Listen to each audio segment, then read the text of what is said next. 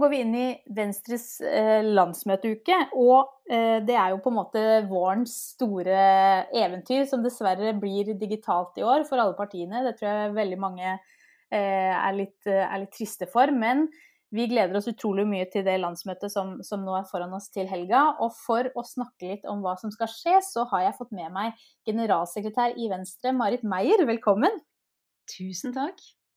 Kan ikke du først sette litt kontekst for hva som skal skje til, til helga? Hva er egentlig et landsmøte? Ja, eh, rent formelt så er jo et landsmøte først og fremst det øverste organet i, eh, i Venstre. Eh, og da har det jo også en del sånne formaliteter knytta til seg. Men for de aller fleste så er jo landsmøtets rolle det er jo å vedta partiets politikk. Og det er liksom kjernen i, i landsmøtet for de fleste, tror jeg. Det er jo den største arenaen vi har i partiet vårt for politiske beslutninger. Det er jo på en måte selve festuka i partiet, det å ha en landsmøteuke som liksom ender med tre dager med, med landsmøte. Så for mange, de som er til stede på landsmøtet, så er det jo det å fremme, debattere og få vedtatt standpunkt i saker som man opplever som viktige. Det er jo det som står i sentrum når, når vi går inn i landsmøtet. Eh, men så har jo også landsmøtet en sånn kjempeviktig funksjon i det å bygge organisasjonen. Eh, på et vanlig fysisk landsmøte da, eh, så det jo, handler det jo mye om å bli kjent med folk, få prata med andre, knytte kontakter, bli inspirert av hverandre, få ideer av andre eh, i deres innlegg i debattene. Og mange venstrefolk har kanskje ikke alltid så veldig mange partifeller rundt seg i det daglige, så det å få komme på landsmøte og møte andre venstrepolitikere, det, det er godt. Og så tar man kanskje med seg den inspirasjonen hjem og deler eh, med andre i lokallaget sitt om hva man har sett og opplevd og hørt. Og, og sånn sett så bygger man både partikultur og partiorganisasjon. Så oppsummert, det er jo viktig de formelle sidene og det som skjer på talerstolen, men også det som skjer innimellom og rundt et landsmøte er jo viktig. Hvem er det egentlig som får lov til å delta på et landsmøte? Kan hvem som helst melde seg på? Ja, det er ikke helt sånn det er. Det er jo fylkesårsmøtene som velger delegater til eh, landsmøtet. Eh, og det er delegatene som, eh, som har stemmerett og talerett og forslagsrett, som det heter. Og det er de som står i sentrum i et landsmøte, delegatene. I normale år så er det jo også mange observatører til stede medlemmer som eh, kanskje bor i nærheten av der hvor eh, landsmøtet avholdes, som gjerne vil komme og, og, kjenne litt på stemningen og høre debattene. Det går jo ikke eh, når vi har et digitalt møte på den måten. Fordelen er jo at eller hva skal vi si, det er jo ingen som er egentlig fysisk til stede på dette. Dette er digitalt. og Det gjør jo at alle kan egentlig være observatører, sånn som det er nå. Og det håper jeg egentlig at flest mulig benytter seg av muligheten av. Og Kanskje trenger man ikke å følge med på alle tre dagene, men kanskje vil man eh, være innom av og til, lytte til noen viktige debatter, få med seg litt stemningen eh, og noen av de politiske diskusjonene.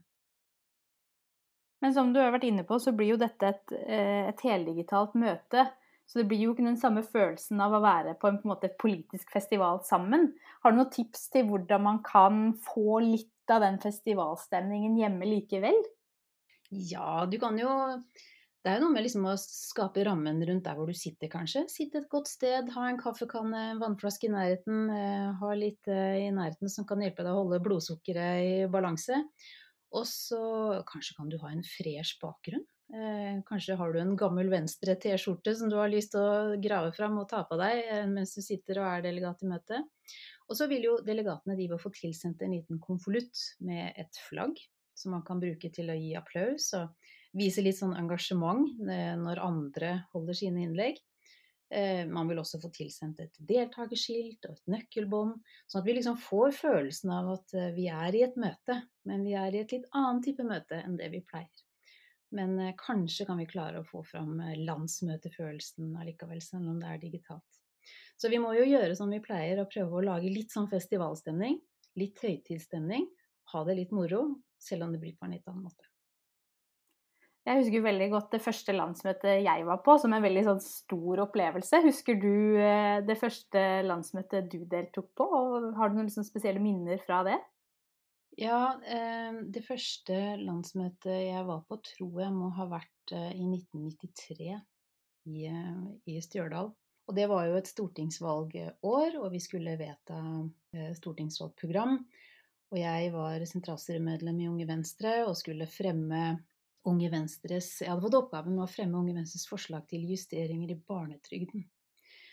Og så eh, fikk jeg en replikk fra Halvdan Hegtun, som jo hadde vært saksordfører på folketrygden i 1967, og, og som kom med hele sin uh, autoritet og tok en replikk. Og jeg husker veldig godt det der øyeblikket når jeg, jeg tok en svarreplikk. Og det øyeblikket når jeg skulle gå opp og fullføre min svarreplikk på Halvdan Hegtun Jeg har aldri vært så nervøs i hele mitt liv. Den der, fikk helt den store skjelven. Men den der følelsen av at eh, ja, man kan bli litt nervøs, men man klarte å gå opp, og man klarte å gjennomføre sitt innlegg, eh, og det gikk bra, det er en god følelse, det.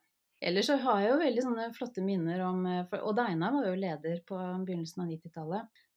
Og det kan jeg jo si at Eh, partileder Odd Einar Dørum, han hadde ikke noe manus når han holdt sine ledertaler.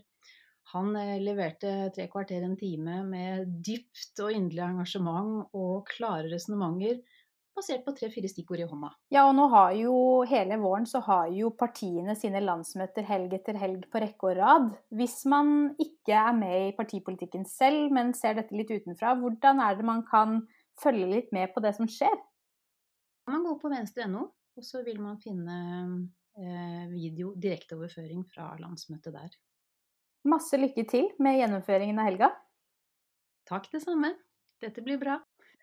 Så håper jeg at vi alle blir litt inspirerte eh, og kjenner på at eh, vi har virkelig et fantastisk partidemokrati.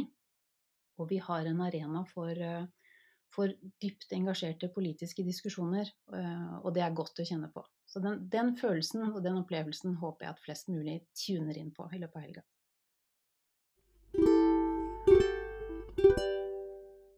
Og for å lede oss trygt gjennom eh, helgens landsmøte, så har jeg fått med meg ordstyrer Kjartan Almenning. Velkommen.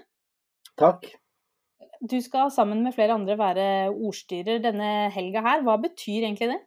Ja, det betyr jo eh, Du er på en måte et slags uh kan si sånn landsmøtevalgt politi da, som skal passe på at folk oppfører seg godt. Nei da, jeg bare tuller. Det er ikke helt det som er, er rollen vår. Vi skal lose møtet gjennom eh, programmet i henhold til de reglene som møtet selv har vedtatt, og i henhold til det programmet som møtet selv har vedtatt. Altså, Landsmøtelyden vedtar en dagsorden, som er eh, programmet, og så er en forretningsorden, som er reglene. Og vi skal sørge for at eh, man blir ferdig i tide, at man får de pausene man trenger underveis og har det hyggelig. Eh, at Når jeg sier at man skal oppføre seg, så er det jo en kjerne av sannhet i det. For vi skal jo sørge for at folk liksom avslutter tale, innleggene sine på tida, og, og, at det blir rettferdig og rimelig, at alle får komme til orde, i alle fall så langt det lar seg gjøre, osv. Så, så vi leder debattene, vi styrer ordet underveis. Vi leder voteringene, avstemmingene, og skal prøve å gjøre det mest mulig forståelig, sånn at færrest mulig faller av underveis. Jeg har jo lært meg det at eh, jeg tror ikke det er mulig å få alle til å henge med i et møte som har mer enn 20 deltakere, men iallfall færrest mulig skal falle av, det målet. Uh, og så må vi vurdere tida underveis og endre programmet hvis det blir nødvendig. For Det er jo alltid en dynamikk i et møte. Det er jo alltid noe som blir litt annerledes enn det du tror at det blir. Og sånn er det. Ja, for uh, eh, tida blir jo ikke alltid sånn som man har planlagt, og regien blir ikke alltid som, som man har sett for seg på, på, forhånd. Man kan jo ikke planlegge i detalj hvordan en debatt vil gå. Men, men, hva vil du si er det vanskeligste med det oppdraget som du har tatt på deg? Altså, jeg tror det er veldig forskjellig fra person til person som er ordstyrer, hva man syns er det vanskeligste. For noen så er det, så er det eller for mange så tror jeg det er veldig vanskelig å holde orden i, i kompliserte voteringer. Altså Dette med voteringer er egentlig ganske vanskelig, for du skal sette det opp i en sånn rekkefølge som gjør at det er logisk, at det gir mening, at flest mulig forslag kanskje blir votert Eller iallfall at, at eh, altså det er politikk i hvordan en, en voteringsrekkefølge eh, foregår. Eh, og Det vi skal prøve å gjøre, er i alle fall å sørge for at eh, utfallet blir det som flertallet i landsmøtet faktisk har lyst til å ha. At det ikke blir sånn her teknisk rot underveis som gjør det, at, eh, gjør det at, noen føler at de ikke får stemt over det de egentlig hadde lyst til. Og så, så, så det kan være ganske, ganske, komplisert. Det har vi forberedt veldig godt i år, eh, tror jeg. Så jeg tror det blir enkelt for folk. Men, men, men mange syns at det er vanskelig. Andre syns at det er vanskelig å være streng med folk som kanskje går over tida, og så samtidig kunne ha det hyggelig. Fordi at Du skal jo liksom sørge for at folk har det hyggelig. Og Hvis du bare sitter og er sur ordstyrer, så er det ikke noen som da, da trives ikke folk. Så Det er det en del som syns det er vanskelig tror jeg, å, å være streng nok. Uh, så streng som er nødvendig. For meg så er det vanskeligste å være morsom. Altså, noen, noen ordstyrere er veldig flinke til å være joviale og få salen med seg i en sånn masse, masse begeistring. Um, jeg har andre styrker. Altså Mine vitser det, det er det mest pappa som det, da, tror jeg. Så der er vi forskjellige. Og Derfor har vi også flere ordstyrere som sammen blir et team som har ulike styrker.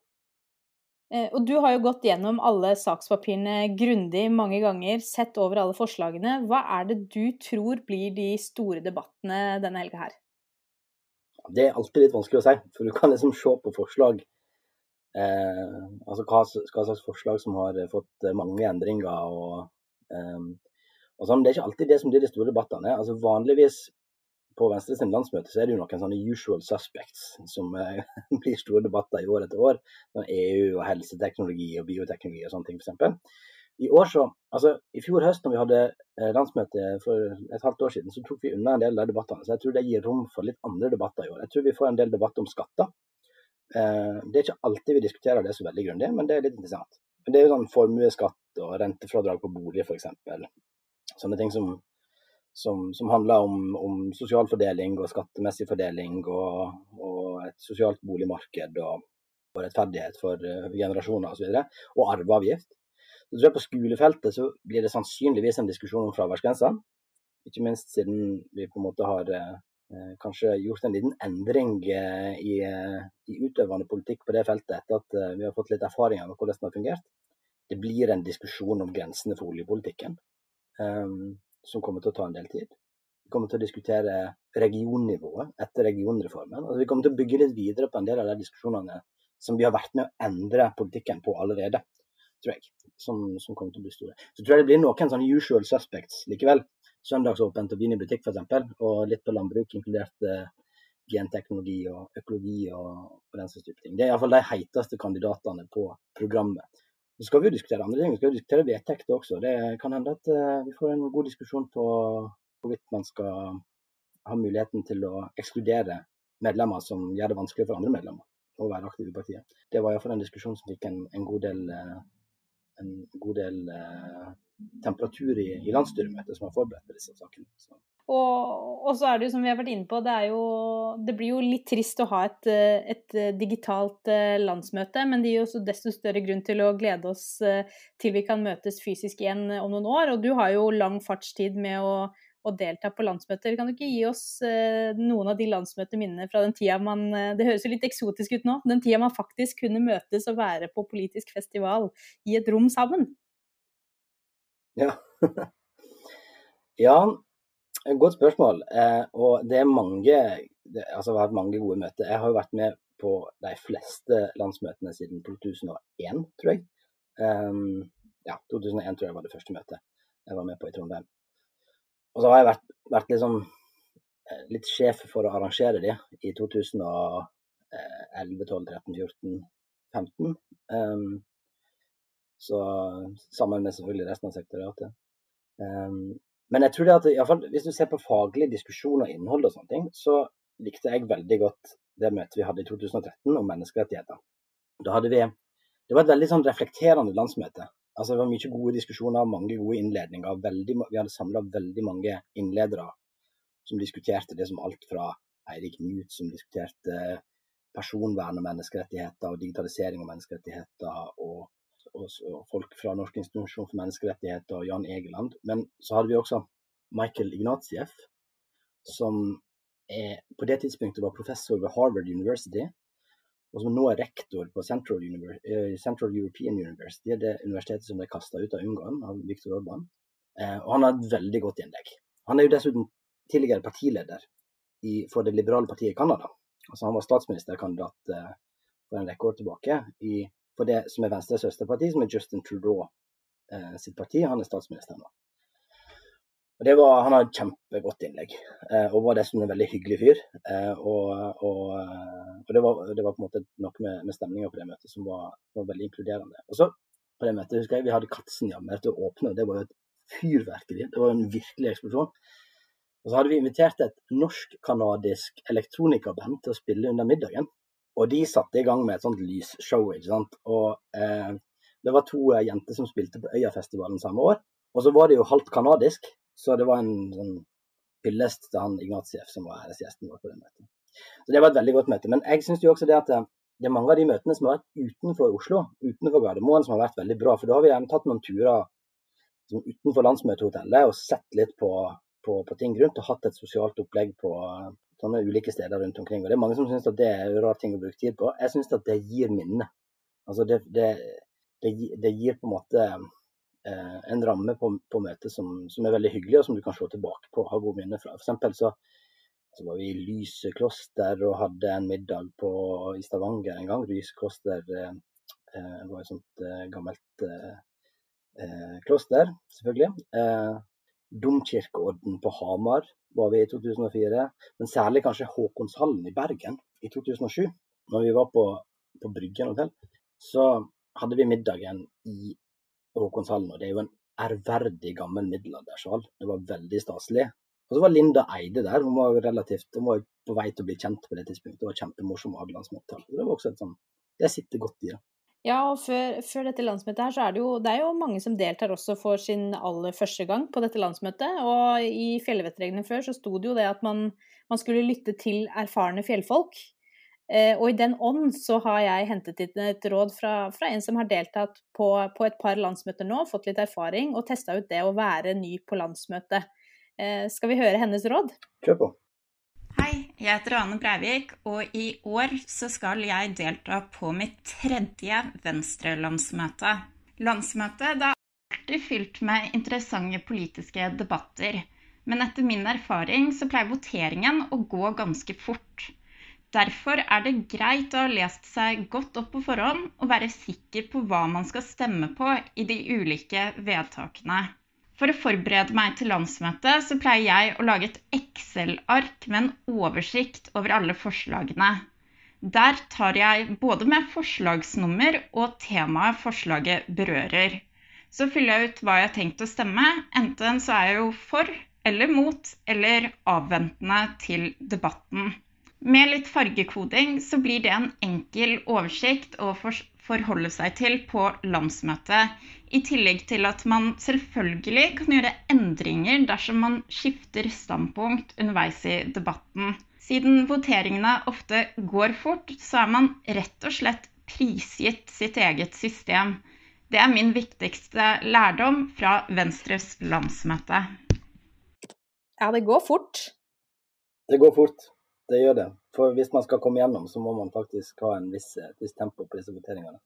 Altså, Dette er jo veldig gode råd. Jeg, jeg, jeg elsker jo det at hun drar opp Excel-skjema. Jeg er jo også sånn Excel-skjema-nerd. Jeg har jo Excel-skjema for, eh, for, alt mulig i livet mitt. Eh, eh, det er sikkert en diagnose som hører til det greiene der. Men, men, men, jeg tenker at hvis, hvis man er vant til Excel-skjema, så, så, gjør man gjerne det. Vi, et, vi har lagd et Excel-skjema for voteringsorden som vi bruker. Men jeg tror det at for de fleste så er det forhåpentligvis mye hjelp i å, eh, å bruke den, eh, den blekka eller det voteringsheftet som vi sender ut, og som jeg vet at sekretariatet også har, har planer om å prøve å få distribuert i papirversjon til alle sammen, sånn at eh, man sitter med det foran seg.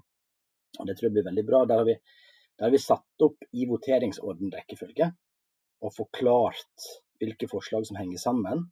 Så hvis vi behandler og vedtar det, så trenger ikke vi behandle de andre forslagene, for da har landsmøtet allerede bestemt seg for den innretninga på det avsnittet osv. Der er det også mulig å tegne opp om man er for eller mot eller, eller avholdende på et forslag. Eh, så den vil nok hjelpe veldig mange. Men jeg tror jeg aner helt rett, du må finne ditt eget system. Eh, ditt eget system som funker. Og det er viktig å gå gjennom dette på, på forhånd. Altså. Ellers så, så faller, man, eh, faller, man, nok fort av. Vi er nødt til å, nødt til å gå raskt gjennom, som sagt. Ja, for når selve voteringa kommer, så er det ikke så mye tid til å, å dobbeltsjekke og lese hva var eh, Det er ikke da du bestemmer deg, du må ha egentlig bestemt deg litt på forhånd før den voteringa kommer. Det er jo ikke så lenge vi har holdt på med digitale møter. Forrige lands, landsmøte jo, ble jo fysisk, ikke sant. Men sånn som eh, når vi voterer i, eh, i landsstyret f.eks. på digitalt møte, så merker vi jo det at det er en del som venter med å trykke på knappen til de ser hva andre stemmer. og hvem som stemmer. Så det er jo alltid noen som venter litt og har lyst til å se an salen. Det er vanskeligere på et digitalt møte enn det det er når du sitter i en sal, sitter sammen med delegasjonen din, ser at det er mange folk som du kanskje stoler på, som løfter hånda i været på, på um, saker du er i tvil om osv. Men um, men det beste er jo at folk eh, går gjennom det på forhånd og gjør seg opp sin egen mening. Hva ville vært ditt råd til de som da skal sitte på andre siden av dataskjermen eh, og debattere og votere når du, når du leder møtet til helga? Jeg tror egentlig det viktigste rådet er, er, det samme i et fysisk møte som i et digitalt møte. og Det er det, egentlig det Arne er inne på. Det er forberedelse og forberedelse og forberedelse. Det er å lese sakspapirer, men samtidig være litt kritisk til hva man leser. Altså Årsmeldinga f.eks. Den, den trenger man strengt tatt ikke gå i stor detalj gjennom. Eh, det er det de færreste som gjør. Kanskje noen nye som leser gjennom det veldig grundig, men jeg tror man raskt oppdager at den, den, kan, man, den kan man heller bruke som oppdragsverk hvis man trenger, trenger, det. Men det som man skal votere over, det bør man eh, ha god kjennskap til. Stortingsvalgsprogrammet, de politiske uttalelsene som blir innstilt. Det er jo ikke innstilt så mange politiske uttalelser til dette møtet. Eh, vanligvis så Vanligvis så får vi jo sånn 80-100 forslag, kanskje, og så blir det innstilt en fem-seks av de. Um, og da trenger ikke man å vite veldig mye detaljer om de andre 74, men, uh, men det kan være greit å orientere seg litt blant, uh, blant forslagene. Altså. Men det er jo særlig de som, de som, man faktisk kommer til å behandle, som er viktig å, å ha god kjennskap til. Og vedtektsendringene som man skal votere over, bør man ha gått uh, grundig gjennom. Um, og så sitte og sammenligne dokumenter. Altså sammenligne avsnittene. Eh, skjønne hvordan de passer, altså endringsforslagene passer inn i teksten før møtet er i gang. Da tror jeg vi har kommet veldig langt. Og en annen ting som jeg tror er nyttig, det er å i alle fall ha blikka litt på programmet, dagsorden, og reglene, altså forretningsorden. Eh, det er ikke sånn som man trenger å huske på rams, men, men, men eh, for min del iallfall så gir det en retning på møtet som er veldig nyttig for, for strukturen i mitt eget hode. Eh, og Sånn kan det sikkert være for en del andre. Og Hvis man har litt struktur på hvordan møtet kommer til å, å foregå, så slipper man å føle seg så fortapt underveis. Så er det jo klart, Når vi har digitalt møte, så er det en del andre utfordringer. På dette møtet så kommer man til å ha et sånt digitalt voteringssystem som vi kommer til å teste ut. Som forhåpentligvis går veldig bra. Eh, men, men de fleste vil nok, vil nok, oppdage at det er nyttig å, å og bruke det på telefonen sin. Man kan bruke det i helt vanlig nettleser på telefonen sin, og ha den som en egen skjerm ved siden av. Og jeg tenker at man trenger, Hvis man har anledning til det, så er det bra med flere skjermer. Det er bra med, med den eh, mobiltelefonen som du kan trykke ja og nei på voteringa og tegne deg på talerlista. Eh, men du bør ha en egen skjerm der du følger møtet, der du ser de som snakker. Og så hvis du ikke har skrevet ut papirer, jeg er sånn som må skrive ut papirer, så bør du kanskje ha en egen altså iPad eller et eller annet sånt noe som du, som du går gjennom eh, møtebøker eller møtepapirer eh, på. Det, jeg skjønner at ikke alle kan ha det sånn, eh, men, men, hvis man har muligheten til det, så tror jeg det blir veldig mye enklere å manøvrere i møtet. Ja, og dette er jo faktisk en fordel med et digitalt møte kontra et fysisk møte. At her kan man jo tillate seg å rigge seg til å bruke litt god plass. Legge papir utover, eh, ha flere skjermer eh, til å følge med på flere ting samtidig. Ha kaffekanna klar, så man ikke må løpe etter kaffekopper underveis. Og liksom rigge seg til sånn at man er eh, godt rigga for å henge med hele veien. da. Ja, det har noen sånne åpenbare fordeler. Du kan på en måte ta pause uten at du slipper å gå ut av møterommet møte også. Men, eh, men, jeg vil nok si det at eh, sånn summa summarum så, så trumfer fysiske møter digitale møter. Altså. Det, til tross for noen fordeler. Ja, helt klart. Vi får bare banke i bordet og satse alt på at vi kan, kan møtes fysisk neste år. Det håper vi. Men før, helt før jeg runder av, så vil jeg gjerne stille et spørsmål som jeg stiller til alle som er gjest i Fire nye år. Og det er hvis du skulle gitt et råd til noen som stiller til valg for første gang, hva skulle det vært? Du har jo hatt en del eh, podkast-episoder allerede. Det er sikkert mange som har gitt veldig mange gode råd. Um, men hvis ingen har sagt det, så vil jeg trekke fram at man bør bruke tid på å bli gode venner med sine konkurrenter. Altså bruke valgkampen til å og Det gjelder egentlig, altså det er kanskje særlig aktuelt i, i et lokalvalg, men også i et, i et stortingsvalg. Når man blir uh, altså kjent med, med, med, de andre som er aktive i valgkampen i, i sin valgkrets. Uh, altså listetopper, aktivister i andre partier. Man skal samarbeide etter valget. Uh, og ingen vil samarbeide med folk de ikke liker eller folk de ikke, ikke stoler på. Um, så det, er, det anledninger til å, til å både skape litt tillit, og også ikke bare for sin egen del og for de sakene man skal gjennom, men også litt for demokratiet sin del. Um, fordi Det er veldig mye hard retorikk mellom, mellom partier. Det har alltid vært litt sånn, men det er kanskje blitt ekstra mye i sosiale medier. Um, og det er veldig mange som, som, virker for meg som tror at de andre eh, partiene er fiender. Og Hvis man ser på dem som fiender og ikke konkurrenter, da har man misforstått noe vesentlig ved demokratiet. tenker jeg. Det, er lov å være hard på sak, men, men man skal uansett vise at man er venner og vel forlikte. Så ta initiativ til å være sosiale sammen etter valgkamparrangement. Kanskje arrangere en lokal debatt hvis det ikke er noen andre som, som har gjort det, osv. Det, det tror jeg eh, både den som stiller til valg, og egentlig alle som deltar i valget, kommer til å ha utbytte av.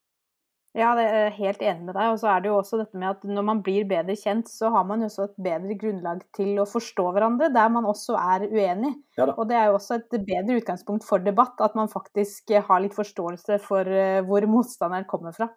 Ja, det er helt sant. Man skal finne felles løsninger. Og, og, og det er klart, som kandidat og som, som eh, partirepresentant, så har man et ansvar for å jobbe gjennom eh, eh det programmet man stiller til valg på. Men, eh, men, man skal jo ikke gjøre det eh, helt alene. Man skal gjøre det i et fellesskap med andre.